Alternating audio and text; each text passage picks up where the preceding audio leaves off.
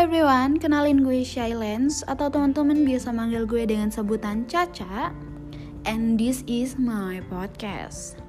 Podcast ini gue bikin untuk tujuan ngobrol dengan teman-teman ataupun sahabat gue yang nantinya kita bakal ngobrolin hal-hal yang gak penting sampai dengan hal yang penting banget seperti masa depan kita berdua.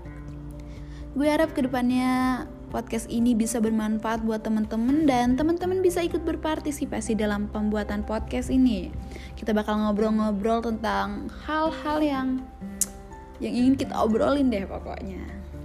Hadirnya podcast ini sebagai wadah sharing antara gue dan narasumber dan gue harap kalian dapat mendengarkan dengan rileks karena obrolan ini um, seperti obrolan kita pada saat sehari-hari Pokoknya gue harap teman-teman mendengarkan dengan rileks serta memaknai setiap kata-katanya agar dijadikan sebuah pelajaran di hidup.